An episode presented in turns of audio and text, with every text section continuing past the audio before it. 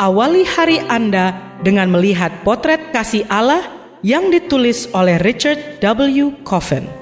Melalui renungan pagi ini, kita akan mempelajari karakter Allah yang menuntun kita kepada kasihnya.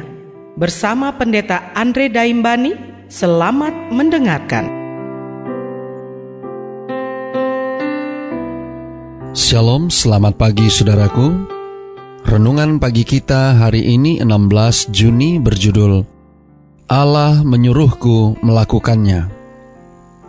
Ayat intinya diambil dari Yehezkiel 4 ayat 12. Demikian firman Tuhan. Makanlah roti itu seperti roti jelai yang bundar dan engkau harus membakarnya di atas kotoran manusia yang sudah kering di hadapan mereka. Mari kita dengarkan penjelasannya. Allah mengatakannya, "Saya percaya." Allah menyuruhku melakukannya, saya lakukan. Pernah mendengar pernyataan semacam itu? Apakah cetusan perasaan yang mereka ungkapkan itu benar?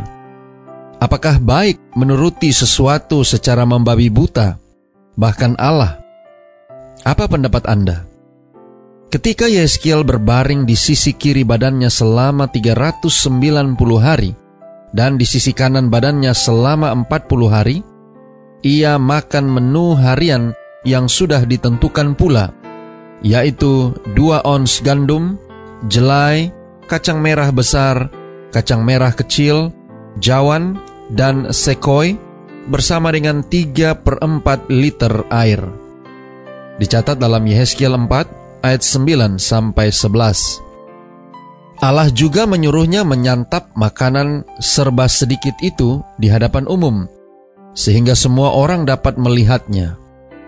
Allah berfirman, "Engkau harus membakarnya di atas kotoran manusia yang sudah kering di hadapan mereka."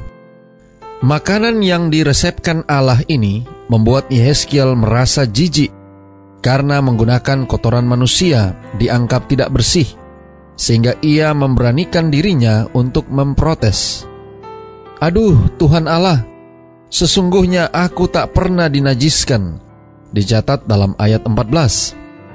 Sebagai imam, Yeskiel berhati-hati agar dirinya bersih dari hal-hal yang menajiskan sesuai perintah Allah. Lalu Tuhan membolehkan Yeskiel menggunakan kotoran lembu sebagai pengganti kotoran manusia. Yehezkiel tidak secara membabi buta mematuhi, hanya semata-mata karena Allah menyuruhnya. Ada yang bertanya-tanya, apakah yang terjadi jika Abraham, orang yang suka berdebat dengan Allah, berdebat ketika Allah menyuruhnya mempersembahkan Ishak sebagai korban di Gunung Moria? Apakah Allah akan mengalah seperti sebelumnya? Apakah Abraham dan Ishak harus begitu saja menanggung siksaan itu dengan membisu? Di antara zaman Abraham dan Yehezkiel, Allah pernah pula memberikan perintah yang jelas, kali ini kepada Musa, yang menolak untuk patuh begitu saja. Ia pun mencoba beradu pendapat dengan Allah dan menang. Dicatat dalam Keluaran 32 ayat 7 sampai 14.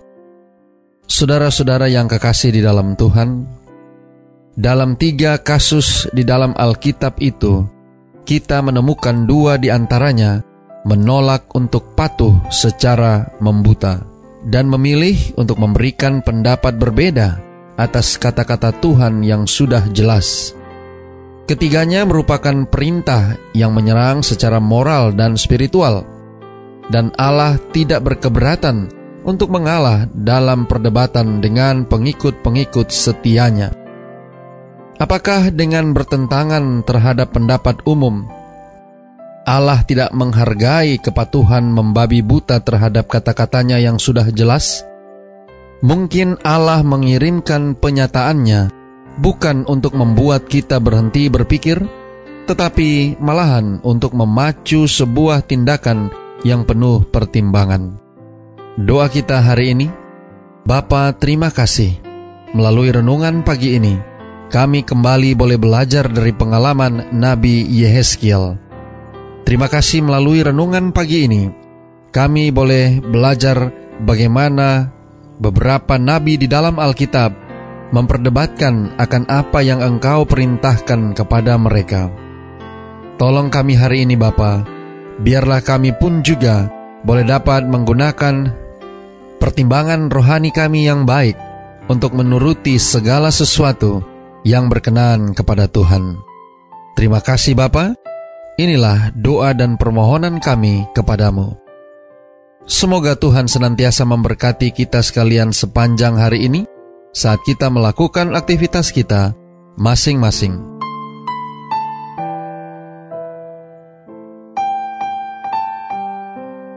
Demikianlah tadi pembahasan tentang potret kasih Allah. Semoga firman Tuhan hari ini dapat menjadi berkat bagi Anda. Sampai jumpa, Tuhan memberkati.